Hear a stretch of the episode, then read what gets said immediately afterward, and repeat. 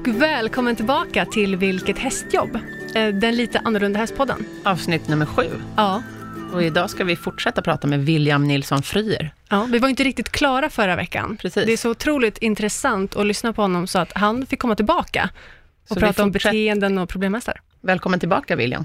Tack så mycket igen. Jättekul. Ja, varsågod. Mm. Vi började ju förra veckan med att prata om problemhästar och inlärningsproblem. Och har ni inte lyssnat på det förra avsnittet så är det nummer sex. Vi skippar veckan som gått och går Ja. direkt in i diskussionen. Det tycker jag. Det finns ju lite olika typer av problem också, tänker jag. Det kan väl, för nu har vi pratat mest om inlärningsproblem och kanske, vad ska man säga, psykiska problem. Mm. Men jag antar att ni också först kollar av fysiska Ja, det är ju... problem. det För många psykiska problem kan ju härledas till fysiska och ja, tvärtom. det är oftast eh, hand i hand och det finns ingen regel som säger att det ena alltid är det andra likt, utan men där det finns, där, där det finns en gemensam nämnare för alla djur som har extremt invana stereotypa beteenden har alltid en fysisk defekt. Mm. antingen orsakat av det stereotypa beteendet, eller eh, att stereotypa beteendet har orsakats av en fysisk defekt som är smärta då, Mm. Mm. smärtrelaterat. Mm. Eh, och det vet man nu, så det Mm. behöver man inte ifrågasätta.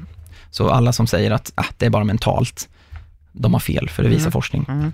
Mm. Och, Vi, hade, vi hade till exempel Ulla-Karin Karlsson med polishästen Utter Precis. som gäst Ja. för, i förra programmet. Och hon Mm. pratade bland annat då om att, eh, för när hon fick Utter så var han en, ja, man skulle väl kunna kalla honom för en problemhäst. Att han var istadig och det var ingen annan som ville ha honom. Mm. Och bland annat så ville han inte gå åt ena hållet, åt höger tror jag att det var. Det gick inte att Mm. styra honom åt Mm. höger. Och då hade tränarna sagt liksom att hon måste vara på honom mer och, och Mm. så. Men hon då funderade mer och funderade på om det kunde vara så att han var sned mm, muskulärt Mm. sned. Och så jobbade hon utifrån det Mm. istället. ja. Och det kan ju också vara en bra, Vi har utvecklat en... bra tankesätt, tänker jag, för publiken. Eller Ja, exakt. Att gå till, Och- gå till botten med va- varför hästen är Varför som går den inte beter hästen åt sig. det hållet Mm. vill, Ja. till exempel? Och det, det hjälper vi våra kunder med när de kommer till oss, att vi tar dem till en veterinär Mm. som är speciell, specialiserad på det i, i området. Det gör ni alltid, eller? Ja, det, det, efter, nu har jag fått så mycket erfarenhet av det här, så jag kan ganska snabbt se att oh, här ligger någonting som vi ska kolla upp först. Mm. Eller här ligger en individ som bara har lärt sig att komma undan. Men om vi och, tänker, eh, våra lyssnare då, som Mm. inte är überproffs som du, utan eh, som kanske är glada amatörer, då Ja. kan det ju vara en bra idé att vända sig till en veterinär Ja, eller en men, kiropraktor. men man måste också då liksom veta vad man vänder sig till för någon. För du, om jag har tandvärk Mm. så går jag inte till vårdcentralen. Nej, Nej. Och har jag brutit tån så går jag inte till en eh, kirurg, kanske Nej. det första. eh, om du ska lappa ihop tån. Ja, men jag har brutit så många tår, så de gör aldrig någonting. Nej. Inte du William, men Ja, men så, så är det. Och då, Ja. det är det som är ett problem också i våran, i svenska hästnäringen som den ser ut nu, att det är Mm. för många veterinärer som praktiserar för brett, ja, tycker jag. Ja. Och de, de antingen de är sak, allmänläkare allihopa. ja, de Ja. antingen saknar veterinärerna kompetens att vägleda kunden till vart de ska göra, Mm, vart de ska gå, mm, eller så struntar de i det. Mm. För Jag tycker handla- också att det är vanligt att om man vänder åt andra hållet, att folk försöker lösa sina problem med kiropraktor, massör, naprapat, bla, bla, bla, fast det kanske är en träningsfråga. Ja, det är ju en välmening att de vill det, Mm. såklart. Och, så vi möter alla möjliga, vi möter kunder som har lagt ner flera hundratusen kronor på alternativ vård och Mm. medicinsk vård. Mm. Och vi möter de som inte har gjort någonting alls. Och det Mm. finns ingen rätt eller fel någonstans, utan det enda som är, är att du måste hitta rätt person som Mm. har rätt specialistområde för rätt sak. Och veta att, att det här beteendet hänger ihop med oftast det här Mm. problemen. Så, Mm. att, så att ett vanligt problem som vi ser, Mm. som är generaliserat all over, alltså Ja. vargtänder. Ja. Mm. Det är bara en sån enkel, en sån enkel grej orsakar något extremt mycket problembeteenden hos hästar. I travsporten plockar man ju alltid bort vargtänderna. Ja. Det gör man i ridsporten också. Ja, man gör Nej, det. Nej. det gör man ju inte. Det är ju därför vi har de här problemhästarna. Ja, så Okej. alla, vadå, folk Nej. slarvar med det? Alltså veterinärerna är, i Sverige, vågar jag påstå, är helt, inte alls koll på det där som de borde vara. Det är ju oerhört märkligt. Ja. Det har jag ju lärt, fått inbankat i mig sedan barnsben. Mm. Jag vet, och det, så är det. Men, eh, Däremot har jag varit med om eh, hästar, jag hade en elev med en häst, som jag tyckte betedde sig väldigt konstigt i munnen. mm, Och då frågade jag om hon hade plockat bort vargtänderna. Jo då, det hade hon gjort. Så stoppade jag in handen och kände Mm. själv. Mm. Och det, då hade den ju en flisa ja, kvar. men det är så det är oftast. Ja. Alltså, de, är, de är inkorrekt utplockade, Ja. vargtänderna. Eller så har de funnits där, så de är frakturerade och de har blivit infekterade. Ja. Och vi har haft hästar som har inflammerat tand, hela käkbenet Ah, har gått och mm. det har gått upp till bihålor och alltihopa. Om du bara har ett problem med munnen, att den Mm. håller på att fippla med bettet Mm. med tungan och så, då har du ju inget problem i min mening. Nej. Utan här- vi pratar om hästar som har utvecklat extrema stereotypa beteendemönster och försvarsmekanismer, försvarsbeteenden. Kan du ge ett exempel? Exempel på beteende är att, eh, och, och då ska man ju också veta att beteendena kommer ju inte utan krav. Det kommer ju inte ett protestbeteende utan någon som pushar bakom. Nej. Man märker inte Nej. av vargtanden om man så, inte har nej, så oftast har det ju med att göra att ju dyrare häst som hamnar i ett eh, högre system, alltså system med högre krav, Mm. där blir ju problemen större. Mm. Mm. Mm. Mm. än om det är en billig häst som köps in till en, en amatörryttare som inte ställer några krav. Då Nej. blir det lite fipplande med tungan, that's it. Mm. Och de lämnas sällan iväg. Mm. Men vi har hästar som köps in för miljonbelopp Mm. Ja. På alltifrån auktioner utomlands till eh, att de headhuntats och köps från hela världen. Vi har Mm. haft hästar från Australien, Sydamerika, USA, Euro, hela Europa, överallt. Och de kommer hit och sen eh, presterar de inte helt enkelt. Nej. Och det, ett beteende som du frågar om är oftast att de vill bara tvärnita Mm. och de stegrar och de Mm. vill komma undan och ja, det är en hel uppsjö med beteende Mm. eh, kedjor. Det man ska också vara lärd på när man håller på med hästar är ju vad det ena beteendet leder till det andra beteendet, alltså vilka kedjor som finns. Om en häst stannar som ett protest så är det en förbeteende till stegring till exempel. Mm. Och då menar Du vi inte kan bara inte- stanna på hinder, utan stannar överhuvudtaget. Ja, om den, ja, Om den inte precis. vill gå fram, mm, Absolut, den, den är i stadie som vi kallar det för Ja. och Mm. i-stadie är ett jättekonstigt ord. Ja.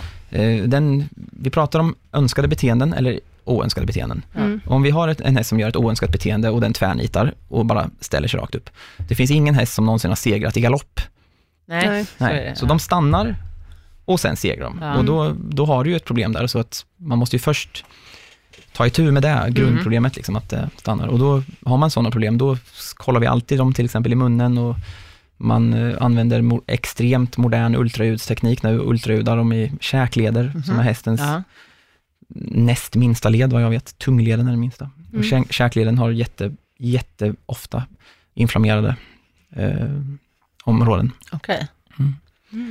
Och sen att munnen är dåligt skött överlag Ja. är också ett problem. Men just det här med vargtänderna som, som ett jättevanligt exempel som många, om man bara blir duktigare på att anlita en duktig entreprenör, om det är en hästtandvårdstekniker eller en veterinär eller kalla den vad du vill, det resultaten som visar. För de som inte vet då, då, så kan vi förklara att en vargtand är ett litet tandämne, kan man väl säga, som sitter i överkäken framför molarerna, alltså framför kindtänderna. Polanen, där man har Olanerna, bettet. precis, eh, där olanerna är den tandfria delen av käkbenet. Mm. Så att den sitter precis där bettet ligger an. Så när Mm. man tar i tyglarna så trycker bettet mot den här vargtanden. Så att Mm. den plockar, och den uppkommer vid 3-4 års ålder. Är det va?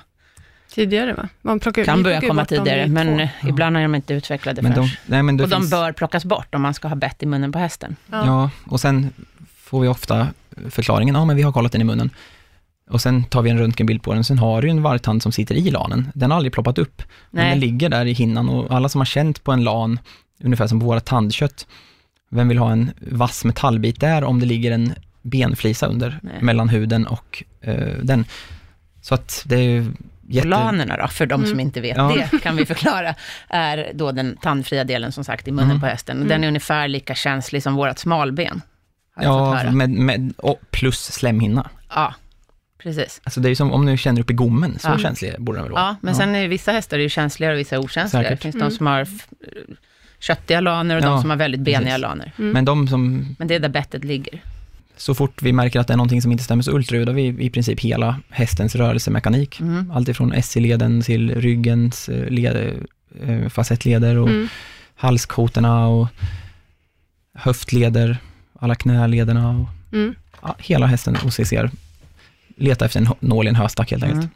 Vi har aldrig varit med om att vi inte har löst ett problem genom att utesluta en smärtorsak hos en häst. Nej. Så fort man utesluter en sak som en bidragande orsak som bidrar till smärta, då dämpas alltid beteendet. Mm. Sen måste du ju börja, och det är då beteendeinlärningen kommer in, att du måste mm. börja träna om, träna in, träna nytt, för att mm. få den med mm. dit du vill och få de här önskade beteendena. Mm.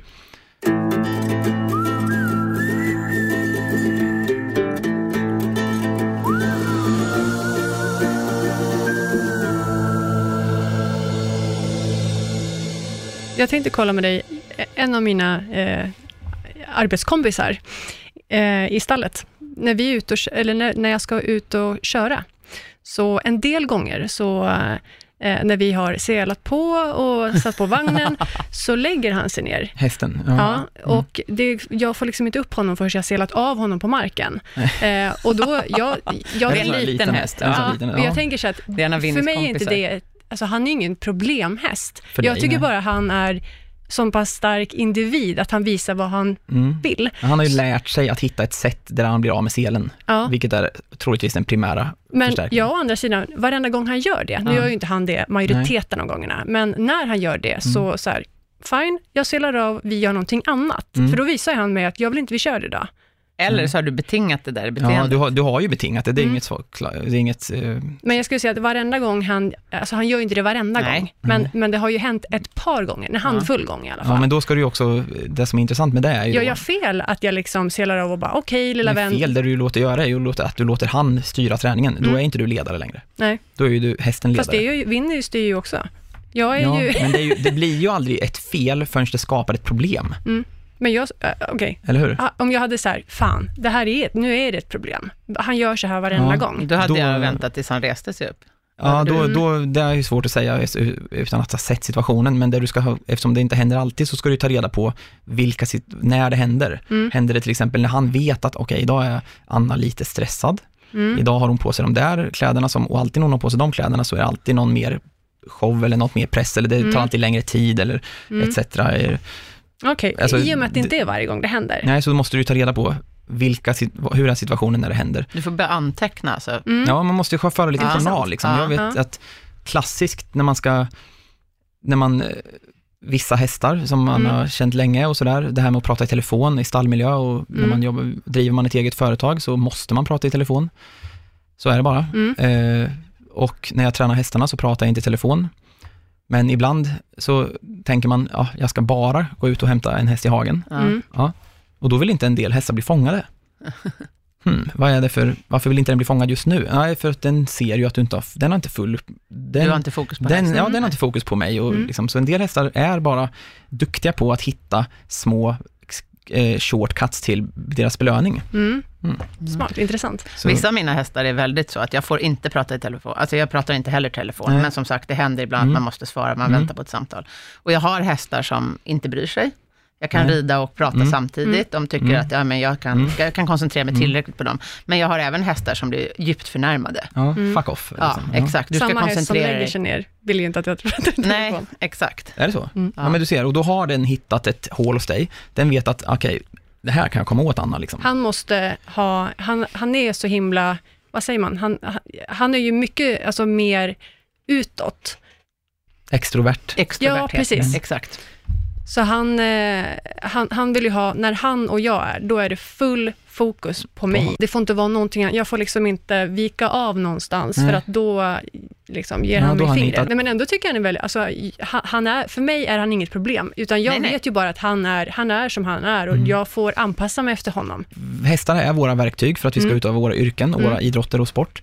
Och ungefär som att en del som arbetar med eh, whatsoever för verktyg, en del Mm. verktyg är lätta att hålla på med Mm. och en del är mer avancerade. Mm. En del hästar ställer högre krav på sina tränare. En del hästar ställer lägre krav på sina tränare. Och vi ska börja, om vi ska börja med en förändringsarbete i hästnäringen så ska vi börja kalla oss för tränare. Jag brukar Mm. alltid fråga unga ryttare liksom att ser du dig som en djurtränare? Brukar jag fråga. Mm. Mm. Nej, varför skulle jag göra det? Det kommer Ja. Nej men för Du du, är en djur. djurtränare, du sitter Ja. ju på din C-ponny här nu. Ja. Mm.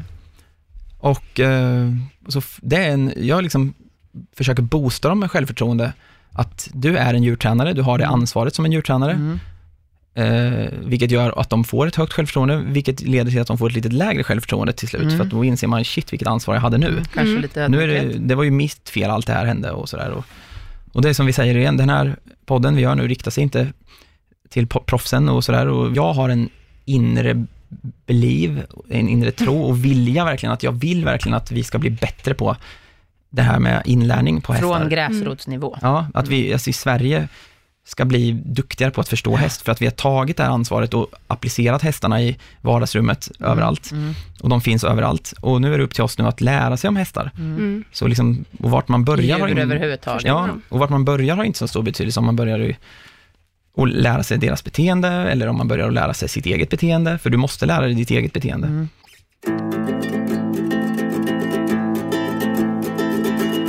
Det är väldigt utvecklande, Ja, person, personlighet extremt utvecklande krävande. att, ja, Mm. att jobba med hästar. Eh, som jag tror att många kanske missar. ja, Mm. precis. Och, då, Att man alltid utgår från sig själv. ja, och har du en, en, en liten ettrig häst till exempel, som har en liten ettrig ryttare, de blir sällan problem med varandra. Nej. Nej, men har du en liten ettrig häst som har en stor och sävlig ryttare Ja. med varierande liksom, kroppskontroll, då får du problem. Ja. Vice versa. Har du en Ja. stor och sävlig häst med en liten arg ettrig ryttare, Ja. då kanske den där ryttaren kan sätta sprätt på den där hästen till en viss gräns, men det blir en frustration hos den här lilla ryttaren som är Ja. aggressiv. Så du, det handlar ju om matchmaking också, där, Ja. Personkemi. personkemi. Ja, och där har ju tränarna en enorm roll, roll i det här, för att det förmedlas hästar Mm. eh, i Sverige, väldigt mycket. Vi driver inget försäljningsstall. Det informerar vi alla kunder när de lämnar Mm. hästarna till oss. Vi kan gärna få ordning på din häst och hjälpa dig att komma i ordning med den, Mm. men vi vill inte ta ansvaret att sälja den. För Nej. jag tycker inte att vi har ett system i Sverige som kan upprätthålla den, den kvaliteten som hästarna kräver. Nej. Mm. Det där har jag lärt mig genom åren också, för när jag var yngre, då var jag väldigt sådär att nu har jag den här hästen och jag har ansvar för den här hästen och nu ska jag ha den här hästen tills Mm. den... Och jag har varit likadan liksom när jag har undervisat förut, att jag Mm. har varit sådär, ja nu får vi lära oss. Men det har jag också lärt mig genom åren väldigt tydligt, att det här med personkemi, Mm. man, kan, man passar inte med alla hästar. Nej, den här stoltheten som du beskriver, Ja. man ska ju ha en, alltså jag har ju aldrig fått välja häst. Jag, kan, jag har Eller aldrig, tron att det är bara jag som kan göra gott för den här hästen. Nej. För det är också många som tror så, Nej, att den precis. kommer få det dåligt om jag säljer den. ja, Men i travsporten är det ju väldigt, jag har jobbat åt en tränare som alltid när de fick in nya hästar, hade den som egen passhäst ett tag och sen delegerar ut den till den för att han- personen. beroende han- på som det vilken passade. Ja. Exakt. Eh, och sen var det ju tillfällen när man fick tilldelad sig en häst, när man kände att men vi går inte ihop. Mm. Nu får, du får göra någonting, så för att vi, det, är- alltså, vi Ja. passar inte ihop. Nej. Men det är ju en då- professionell värld igen. Exakt. Ja. Precis. Men om man går tillbaka till dig då, som inte har fått välja hästar. Nej, så det, vi kom, det kommer ju hästar till oss hela tiden, Mm. ungefär mellan 40 och 50 stycken varenda Mm. år. Eh, och då, det är ju jätte, vi måste vara jätteadaptiva. Mm. Alltså det är ju ungefär som en... jag Men vad se- gör du om du ser, om, du, om det kommer en tjej med en häst och så bara, ja, jag har problem med det här. Mm. Och du känner att alltså, de här är ju så olika så det finns inte. Mm. Säger du till henne att men du borde sälja den här? Eller Alltså vad man har måste du ju för... sätt, säg, säga det på ett sånt sätt Ja. som gör att det går in och att det händer en förändring. För att det är ju ingen prestige att säga, ah, jag sa till henne att de passar inte ihop och sen åkte de.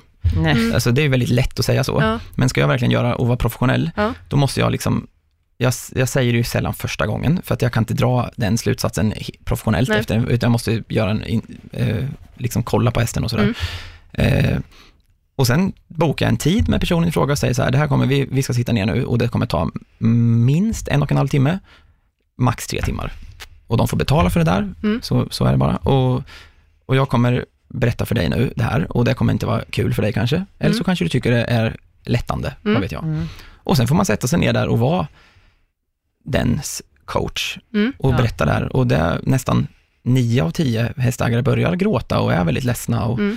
blir väldigt besvikna direkt, men säkert lättade på ett sätt. Mm. För de, de förstår att ah, det var ju, det var liksom, Det var ingens jag har gjort fel, liksom. Ja. eller jag, det, jag hade inte kunnat göra bättre. Liksom. Nej. Nej. För många har ju försökt gjort sitt bästa och det Mm. bästa av allt är ju att de har bett om hjälp.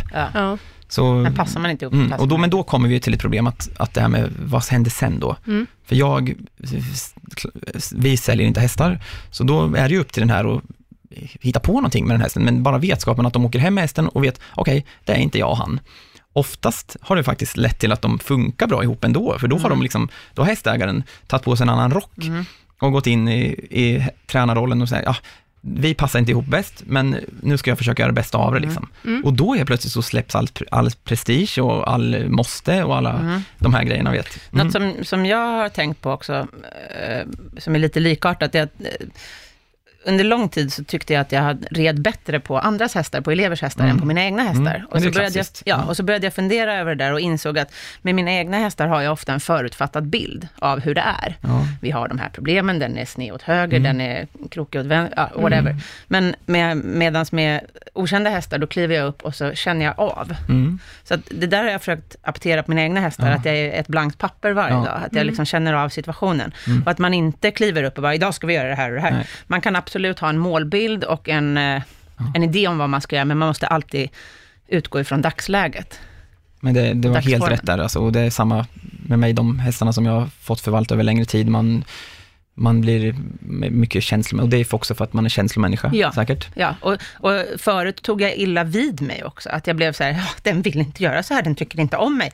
Fast det kanske inte alls är så. Nej. Utan att man, för att jag tycker också att folk, eh, att det är en vanlig missuppfattning att man tror att bara jag gör rätt så kommer hästen göra rätt. Så är det ju inte. De är också individer. Ja. Så att de kan också ha en dålig dag och känna Ja. en dag att jag har ingen alls lust att... Nej. Men det är, då, Mm. det är då den där fina balansen som du berättade Anna, då ska vi sela av eller sadla av.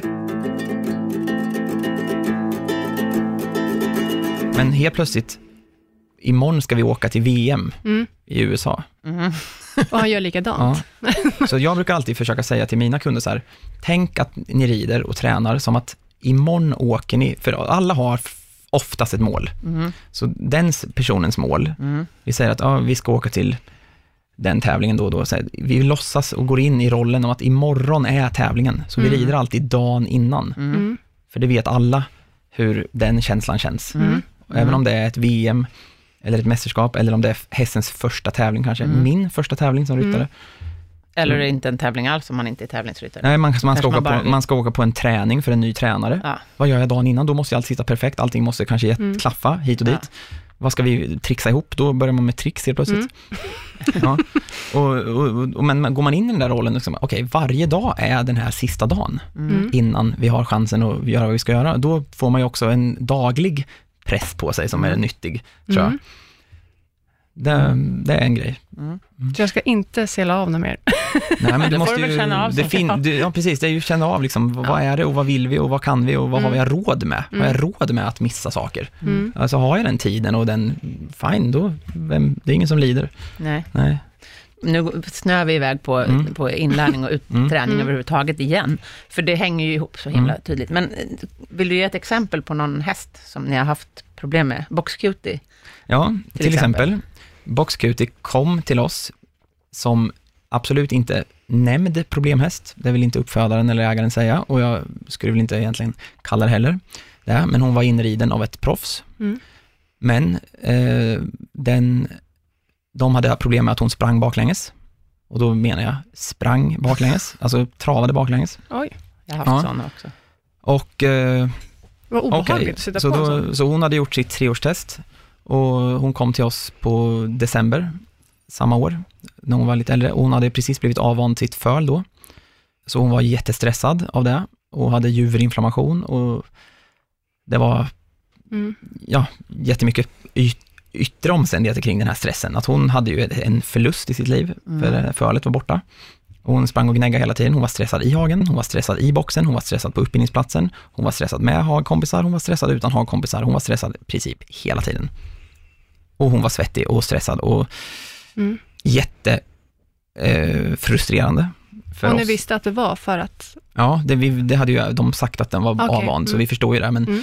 vi, man får ju också en enorm empati, liksom att shit, stackars häst som är så stressad hela tiden Mm. och man försöker att Man känner sig väldigt otillräcklig. Ja. extremt otillräcklig, och- men man försöker kre- kreera en, en situation för den här hästen då som passar så bra som möjligt och, och det är ju oftast att vara ute med kompisar till syvende och sist, men hon sprang Mm. ändå och letade. Mm. Mm. Och jag började ju träna den här hästen då och Anna var inne med vår dotter som var precis nyfödd. Så, och det var en meter snö ute. Och eh, det var ju bara att lära henne att den enda primära förstärkningen som finns för dig, det är att du, ja, du slipper mig, bara du liksom går fram. Mm. Ja. Så men jag hoppade upp och hon sprang baklänges och det var snön och alltihopa och jag lyckades fixa så att hon backade i, på en husväg, så hon kunde inte backa någonstans. Mm. Först blockera, det är en grej Ja. inom träningen, att du, du kan blockera utan att skapa en stress. Mm. Det, blir, det är ju ett verktyg. Om du, gör en, om du har en vägg där så att en häst inte kan utföra ett beteende. Nej. Det är omöjligt för den att backa om Mm. rumpan Ja. är mot väggen. Ja. Okej, och vad händer sen? Tänker hästen då. Och hästen förstår inte de framåtdrivande hjälperna, skänkel. Eh, den förstår inte spö på rumpan. Den blir bara mer stressad för det där. Mm. Så då måste du ju lära hästen då att när jag trycker skänkeln där, då betyder det att du ska gå fram. Mm. Ja.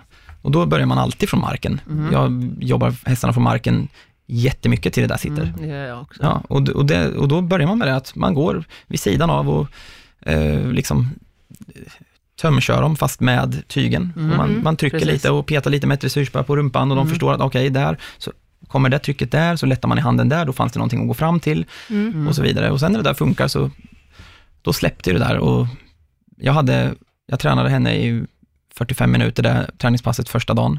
Ståendes bak mot, med, mot, med rumpan mot väggen? Ja, tills hon, tills hon förstod att när jag trycker det framåt och sen när hon väl förstod det där, då jäklar alltså, så, då sprang hon istället framåt. Mm. Och då klev du av och gick in, eller? Nej, då var det så roligt att, att eh, jag tänkte, hon, man måste skilja på flykt Ja. och eh, motivation. ja. Fly, springer hon för att hon flyr, för att Ja. hon är så eh, stressad, Mm. lika Kan väl som hon flydde bakåt. Mm. då kan vi ju inte belöna det heller, Nej. om vi vill komma Nej. någonstans. Nej. Så att jag styrde det här galopperande stora hästen, som hon var 1,75 redan då, Oj. jättestor, och jag Hon kände mig liten. då liksom. Ja, hon var ju Ja. flydde i Ja. panik bara, rakt, som Mm. satt på en skenande häst framåt. framåt. ja. Ja. Och då finns ingen vägg du kan skydda dig mot, när man Nej. inte har ett ridhus och Mm. ingen ridbana, som jag inte hade då.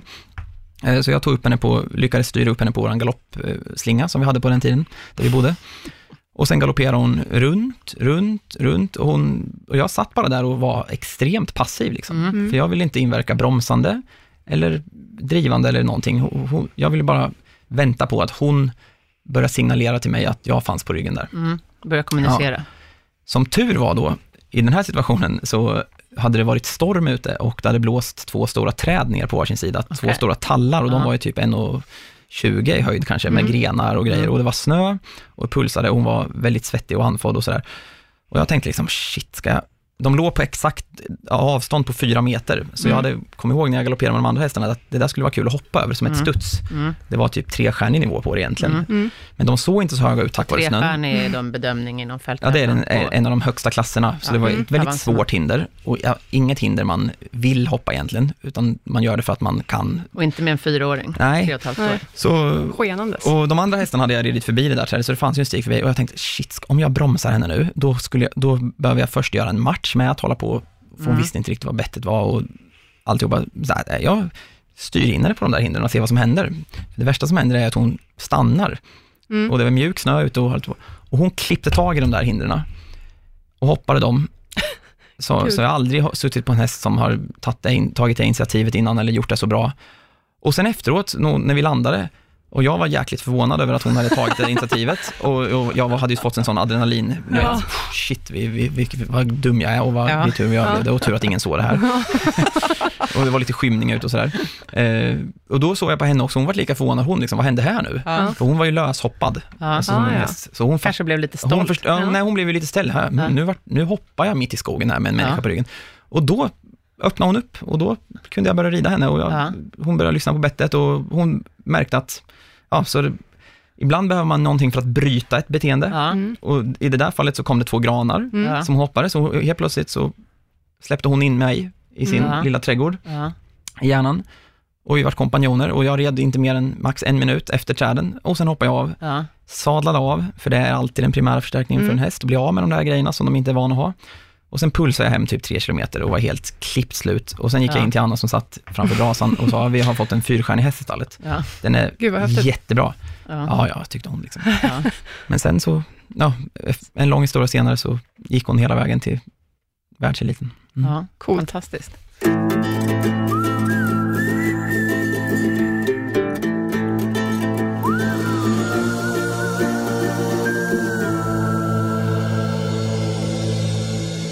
För en del är ju sunt förnuft att inte rida hästen, för att de är, tycker synd om den, för Ja, den vill jo. inte att de blir trött. Ja. Nej. Och det ska man också veta att en av de mest primära behoven en häst har är att bli trött. Ja, exakt. Och det, det är också en grej som jag och brinner för, som jag också vill ha sagt innan vi avslutar, att Ja. hur viktigt det är med att få hästarna att bli fysiskt trötta och nöjda. Och För det är ett flyktdjur, de måste få röra på sig. de måste få röra på sig utan att känna sig jagade, ja. för då blir, de ju, då blir ju stressen högre än vad, vad passionen blir. Ja. Men att få djupandas, Mm. att få mjölksyreutbyte regelbundet, det är extremt viktigt. Mm. Och det, Folk är ofta rädda för att träna sina hästar trötta. Ja, de är rädda och- för att de ska svettas, ja, och de, märker jag. Alltså, vi Folk tar- blir väldigt chockade när jag rider och den är Ja. alldeles svettig. Ja, ja, och det är jag med när jag går till gymmet. producerar ju dessutom svett mer och på ett annat sätt än vad vi människor gör för att de, för att överleva, för det innehåller ju tvålämne i Okej. hästsvett, för att de ska Aha. vara så hala som möjligt Ja. för, att, för rovdjuren. Ja. Mm. Så det, häst, hästsvett är ju ett sätt som vi inte ska vara rädda för, för att det är ju, det betyder inte att de är trötta för att de svettas, Nej. utan det betyder att de har satt igång en, en mekanism det. Ja. Liksom. Mm. jag är väldigt viktigt att folk... Ja, Väldigt förenklat William, hur ska man undvika att skapa en problemhäst?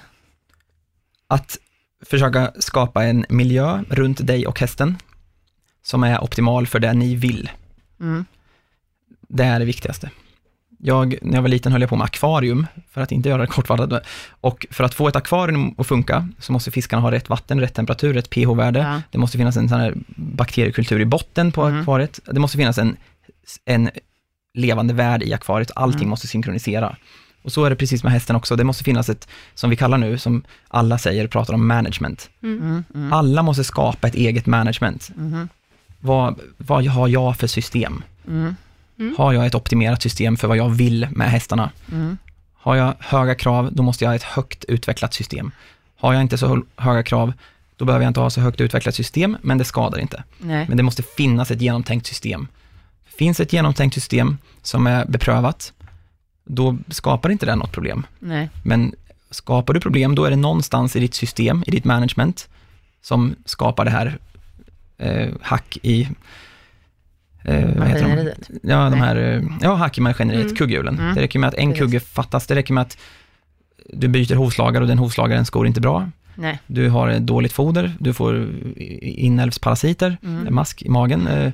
Du har en tränare som hittar på tricks, att du ska göra konstiga saker helt plötsligt. Ja, Nu fick jag med en släng av eh, sleven. Nej, men är ni med? Ja, Ja, det var inte personligt, utan Nej, det, det kan vara att, att någonting ingriper i ditt system ja. som, som bara ställer till det mer än vad det gör nytta. Liksom. Mm. Ja. Man kanske ska lyssna lite mer på sig själv också, att om Ja. man anar att någonting är fel kanske man bör Ja. ta det på allvar. Exakt, och det, det gör alla. Ja. Det är någonting vi har gemensamt som hästägare. Alla ser på sin häst när det inte är någonting som är bra. Mm. Och, Och att jag- man då litar på sig själv. ja, och att det finns en för auktoritär sätt i hästsporten med att tränare pekar lite mycket med hela- handen kanske, Mm. Mm. och sen gör man som de säger utan att tänka igenom vad de egentligen sa, Mm. utan att göra det med hjärtat själv. Så att där ligger ansvar på tränare, när vi tränar ryttare, att vi, vi ska, kan, kan, vi måste, det vi säger till ryttaren måste de kunna genomföra, Mm. annars är det ingen idé. Jag, jag ehm, stöter ofta, ganska ofta på om jag, om jag har nya elever till exempel, så kanske jag frågar, personligen nämligen har jag väldigt Mm. löst spända nosgrimmor, jag tycker inte om när man drar åt Mm. ansiktet för hårt på hästen. Och eh, om det kommer en ny elev då som har en väldigt hårt åtdragen nosgrimma, så Mm. kanske jag frågar då, men varför har du dragit åt Mm. så här hårt? Ja, för att den och den sa det. Ja, det, precis. Det tycker jag är ett det är jättekonstigt, de drar åt ja, det tycker jag är ett väldigt konstigt svar. Att, man, att man som hästägare tar lite större ansvar för man, vad man gör med sin häst. Att man tar Mm. reda på verkligen varför man gör det här. Mm. Om, för om tränaren säger åt en att göra på det här sättet och man själv kanske ja, känner själv att det kanske inte är riktigt bra, då kanske Mm. man ska lyssna på sig själv och Ja. Mm. Och då har ju vi den här känsliga integriteten, när man känner att någon inkräktar på min integritet, Mm. integritet nu, det känns inte bra, jag gör det ändå.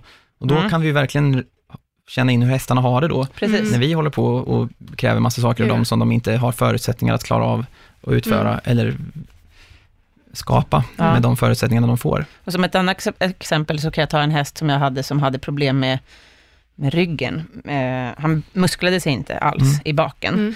Eh, den här hästen var jättestor, han var 1,75 och det här var många år sedan, men redan då hade jag lärt, det här var den första hästen jag lärde att lägga sig ner på kommando, Mm. så stor han var. Mm. Och eh, han hade väldigt problem med att lägga sig ner. Mm. Och jag eh, tog honom till en veterinär och jag förklarade, och då var jag väldigt jag var amatör, jag jobb, hade det inte som Mm. profession då. Och jag förklarade att jag trodde personligen, Mm. utifrån vad jag hade reflekterat över, att hästen hade problem med haserna. Ja. Därför att den byggde inte muskler i baken och den hade och så förklarade jag att ja, men han har jättesvårt när jag säger åt honom att lägga sig ner. Och då Just tittar de ju på haserna är ju en grej som de verkligen viker när de lägger Ja, sig. och då tittar de ju på mig som att jag var dum i huvudet när jag sa att min häst la sig ner på Mm. kommando. Och det är Eh, där du har också det auktoritära problemet i ridsporten och i hästnäringen, att det finns en översittarhet hos veterinärer, hos tränare, hos eh, klubbar kanske, att, Mm. att, ja, att, man, att det finns, vi vet bättre, men Ja. då får man också dela, okej, ni vet bättre, dela Ja. med av kunskapen så det blir en förändring, istället Precis, för att det men skapar då, problem. då, då um, talade de om för mig också att nej, det var inga hasproblem det här inte, utan det var typiska ryggproblem, eller det var typiskt att, eh, ja vad de nu sa, jag kommer inte Mm. ihåg. Eh, och så sa jag, men han musklar sig ju inte i baken heller. Mm. Nej, men han är byggd sån. Och då dum som jag var då, eller dum, men jag litade ju på dem. Ja. Lojal, Ja, som du okej. var mot dem. Ja, Ja. jag litade ju på veterinärerna, så jag fortsatte ju att träna hästen, som de hade sagt. Och det blev inte bättre. Hästen var fortfarande stressad och satte inga muskler. Mm. Och, och de hade ju inte hittat någon hälta på honom. Men så efter ytterligare månaders slit och tårar, så bytte jag veterinär. Mm. Och då visade det sig att hästen hade inflammationer, Mm. lika mycket i båda benen. No shit bak. Sherlock. Nej, i både haser och knän. Ja. De hittade ingenting då heller, mer Mm. än att han hade inflammationer så han sprutades. Och sen efter ytterligare tid så hittade man, för de, han röntgades ju naturligtvis, de hittade ingenting. Mm. Sen skadade han sig på ett annat sätt. Och då röntgade man om benen. Mm. Och då hittade de på en röntgenbild som blev skev. Alltså ur fel Av läge. misstag hittade Av misstag Mm. hittade man ett centimeter stort benfragment Mm. i hasen. Och det är ju så där, det är ju min vara nu vi pratar om, så där Ja. har vi det hela tiden. Ja. Och det var ju då Mm. Grunden till Ja. alltihopa, det här Ja. benfragmentet. Från början när vi har treåringar, när vi rider in dem, eh, åk till en röntgenspecialist och röntga dem. Det finns ambulerande röntgenapparater nu. Ja. Så rön, röntga hästen från topp till tå. Det är liksom, att hästar har röntgenfynd idag är jätte, jättevanligt. Att de gör någon skada för framtiden, det kan bara framtiden utse. Mm. ja, det är ju inte heller säkert. Nej, men finns ett röntgenfynd, då vet man det. Mm. Mm. Men å andra sidan, där blir också en frågeställning, för att det här är väldigt intressant. För jag tänker så här, väldigt många röntgenfilm spelar ingen roll heller. Alltså, skulle Vad man rönt- vet för den individen Nej, just då. Exakt, Nej. och det kan ju också bli så att ryttaren inte tränar ordentligt för att man har i bakhuvudet att den har ett röntgenfynd, som Mm. kanske inte skulle påverka Mm. egentligen, Mm. om man inte satt där och... Precis, och då får ju känslorna styra kanske lite. Men till exempel om vi, vi säger, okej, hästen har två stycken stora röntgenfynd i hovlederna. Ja, Och den är på, på, på båda framled, Ja. framhovled. Och den, den har ingen rörelsestörning på det, för den är likvärdigt. Mm. Ja, och då, till synes finns det inget problem där, nej. för att den är likvärdigt halt. Men sen när den blir äldre och den börjar sättas på krav, då kommer det problembeteenden och då börjar det här, då börjar det här ekorrhjulet att Mm. snurra. Mm. Och då så kommer vi aldrig ifrån att, okej, vi har ett grundläggande problem som vi visste om från början, vi Mm. körde på och blundade för det och vi fick problem. De som kör på och inte blundar för det, utan är hela tiden observanta, ah, nu finns det en liten inflammation där man kan se inflammationer idag på Mm. ultraljud. Och då behandlar man den inflammationen när den kommer upp, istället för när det har blivit ett problem. Mm. Så att man hela tiden håller saker och ting i schack. Mm. Det är jättebra att veta om röntgenfynden, men man behöver inte slå ihjäl dem för det. Nej, det tänker jag absolut. det är inte det jag menar, utan Nej, det men det, om finns ju att- folk som reagerar så då också. Ja, men säg så här, jag ska köpa en häst nu som jag ska vinna SM på Mm. i valfri disciplin. Okej, då röntgar jag den hästen. Har den här fysiska förutsättningar att vinna ett SM i dagens konkurrens? Mm. När de andra som vinner SM är väldigt, väldigt felfria. Mm. Mm. Eh, I travsporten så är det ju, då röntgar man ju alla hästar för lösa benbitar. Mm. Och där är det ju, en del plockar ju bort dem när de har dem. Mm. Då, är det, då liksom, åk, åker man ju direkt och tar bort dem. Du menar Och- när de är unga, när man hittar dem? Ja, Mm. precis. Eh, Vid ett, två Ja. års ålder. Ja. Och sen eh, en del tränare eh, väljer att ha kvar dem och om de utvecklar ett problem av dem så tar man Då bort tar man dem bort dem. sen. Mm. Ja. Men det, det har ju ingen, egentligen så spelar det ingen roll, alltså de bästa hästar som vinner Elitloppet, det är klart, de har ju också, alltså en del har ju tagit bort lösa benbitar, Mm, så där är det ju liksom ingen vågskål i att om det är bra eller dåligt, det beror ju bara på Om det Om de- skapar problem eller Exakt. inte. Det, är Ja. det, och det enda jag kan säga är att de hästarna som har fått gott med det och det skapat ett problem och man tar bort det, tar bort benbiten då, Mm. eller det som är Mm. problemet, är att det här kan ha skadat deras liksom prestationsinstinkt Mm.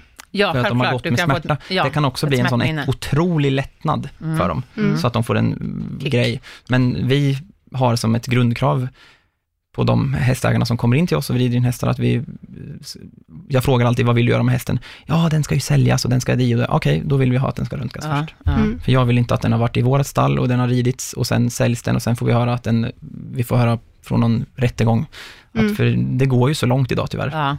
Oh, ja. Och, och, ja, det, så vi ska veta det, att det är mycket pengar det här handlar om. Och väljer man att föda upp en häst, den ringa summa det kostar att röntga hästen för att bara veta om det är några fel eller inte, Mm. den är väldigt liten. Liksom. Mm.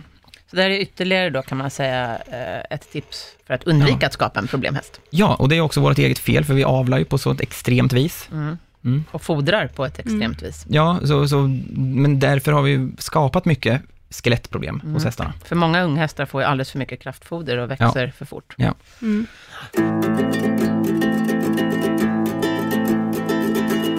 Vi har ju en programpunkt som heter Veckans tips och förra veckan, William, fick du ta hand om den. Mm. Och eftersom vi har dig här den här veckan också, så tycker jag inte att det är mer än rätt att Tack, du vilken ära. kör det idag också. Eh, jag tror förra veckan pratade vi mycket om fysträning på Precis. hästarna, hur viktigt det är med det. Och eh, för att gå lite på det andra spåret, som eh, är lite kontroversiellt också, det här med den mentala biten hos hästarna, vilket är minst lika mycket värd. Mm. Ingenting funkar utan den andra. Så det här med eh, hur vi bondar med relationerna. Så att har du en manege, vilket du, man också kan lasta hästarna och åka iväg till, och eh, friträna dem. Eh, vi brukar göra väldigt mycket lösgalopp med hästarna, att de får lösgaloppera. Och då går vi på klockan och vi tar pulsen, så vi ser hur mycket de har galopperat och vi räknar ut ungefär hur, mycket de, hur länge de har galopperat. Mm. Eh, x antal minuter i vänstervarv, x antal minuter i högervarv. Vi kan välja om de ska gå i en åtta eller inte. Det är ganska avancerat att få sin häst att göra det. Mm. Eh, Absolut. Så, och, och då kan man välja om man vill ha med sig godis och belöna, eller om du vill ha en hink havre eller ingenting alls. Eller, ehm, Men att man leker lite mer. Ja, mer att man inte, man ska inte använda hästen som en leksak, utan mer att Nej, du och hästen kamrat. är på samma nivå och villkor. Och eh, att ni har mer roligt tillsammans och gör saker off the saddle. Ja. Som inte, det är, allting är inte den uppsuttna träningen hela tiden. Det här är ju ännu viktigare om du har en häst som du vill bygga en långsiktig relation med. Eh, är det en häst som du ska känna under några veckor för att den ska stanna hos dig och säljas, då ger det varken bu eller bä för framtiden. Men är det en häst du ska ha för hela livet och du ska tävla ihop och så, så är det jätteviktigt att hästen ser dig som sin jämlike tränare och Mm. inte bara den som kommer och rider hela tiden. Nej. Kanske kan vara ett bra tips då, våga gå på lite annorlunda kurser, till exempel. Ja, om man är mottaglig för det. Mm. Ja, Ja, men man det- kanske, om man det- inte är det kanske man borde... Ja, först över det. utforska dig själv och din häst hemma. Ja. När du känner din häst och dig själv hemma 100% så du känner dig supertrygg med den Mm. miljön. Det är inte alla som är trygga med att ha sin häst lös omkring sig. Eh, då tycker jag man kan åka iväg och göra olika saker. Mm. Mm. Och ta med, ta med din häst ut och promenera och ja, Umgås, umgås med mer den. med Ja. din häst och få din häst att tycka att du är den bästa personen i dens Mm. liv. Men man måste ju inte ha en manege, det kan ju räcka med en inhägnad ridbana. Absolut, ja, eller en hage eller vad som helst med bra, Mm. bra underlag. Liksom. Bara man leker. Och det här med rulla, att hästar har ju ett naturligt rullbeteende, de tycker om att rulla. Låt din häst rulla sig efter träningen. Mm. Mm. Ta av sadeln Ta av sadeln och tränset och släpp den fri, och, så den får rulla sig och böka och gräva Mm, lite. Det är Och bara fyra, fem minuter per häst. Mm, Så, bra. Bra Mm. tips. Om man ska få den att gå på en 8 volt till exempel, Mm. då kan jag tycka att det är enklare att få både mig och hästen att förstå och få en kommunikation om jag till exempel ställer ut två tunnor. mm, så den ska Att vända springa runt, runt, någonting. ja. Exakt. För de vill ju gena lite grann, så blir den där 8 volten mindre och mindre och mindre. Precis. Men ska du göra det av fysträningsskäl och att du ska bonda med den, så, så är det bra att ha två stycken markörer, så den vet den ska runt, och ta alltid hjälp av två, tre personer i början när du ska lära dig lösgaloppera din häst, så att, Ja. så att den inte lär sig att den stannar vid utgången, eller att den, Mm. så att allting den lyckas att göra av egen idé, är ju någonting den har lärt sig, Mm. får man inte glömma. Så uh, liksom, bygg upp ett system där det är ganska vattentätt, Mm. där hästen har lätt att lyckas att göra det du vill. Mm. Och sen när den har lätt, när, när, när du har fått den att göra precis som du vill, då kan du fejda bort de där små hjälpmedlen. Det är Mm. ganska viktigt också för att bygga upp självförtroende hos hästen Mm. och stolthet. Ja, Mm. för att eh, den vet inte vad den får och inte får göra. Den vet bara vad den kan göra. Vad är möjligheterna för mig? Vilka dörrar öppnar liksom? Mm. Mm. Så Det är bra. Och just det här med den avsuttna träningen som är extremt viktigt. Så att det kan inte vara så att den enda fysträning en häst får är när den har en ryttare på ryggen, för det är ju en belastningsträning i sig. Mm. Det måste ju finnas en avsutten träning som är mer än den uppsuttna träningen. Mm. Jag håller ju bara på med avsutten träning. Ja, Det är precis. bara är- markarbete. Jag tycker kanske inte att du ska komplettera med ridning. nej, nej, jag tycker inte det heller, visserligen. Du har flera Nej. stycken små under det. Ungersk post. Mm. Ja, men ett jättebra tips. Ja. Veckans tips, lek mer med din häst. Ja. Lös. Och även alternativ träning. Och, åk med någon, till någon som har ett rullband, rullbandsträna dem, eh, gå ut med den, spring med den, jogga med den, whatsoever. Lite fantasi. Tömkör hästen, vad, Mm. whatsoever. Mm. Mm. Vad bra. Bra. Tack så mycket. Tack. Gå in på vår Facebook eller vår Instagram som heter Vilket hästjobb. Skicka gärna mail till oss med eh, tips på programidéer eller om du har några frågor. Mm. Eh, vilket hastjobb snabela gmail.com. Mm. Och tack för idag då William. Tack snälla igen. Det var jättekul att ha dig här även den här veckan. Mm. Skitkul, tack snälla. Hoppas du kommer tillbaka igen. Mm. Ja. Gärna.